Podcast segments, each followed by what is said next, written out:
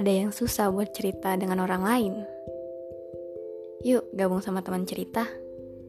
Mari kita cerita masalah-masalah kehidupan kita.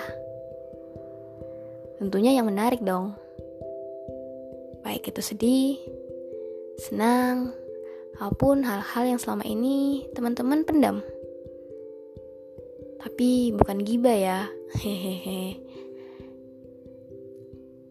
Karena kadang bercerita itu membuat kita lebih lega daripada harus memendamnya.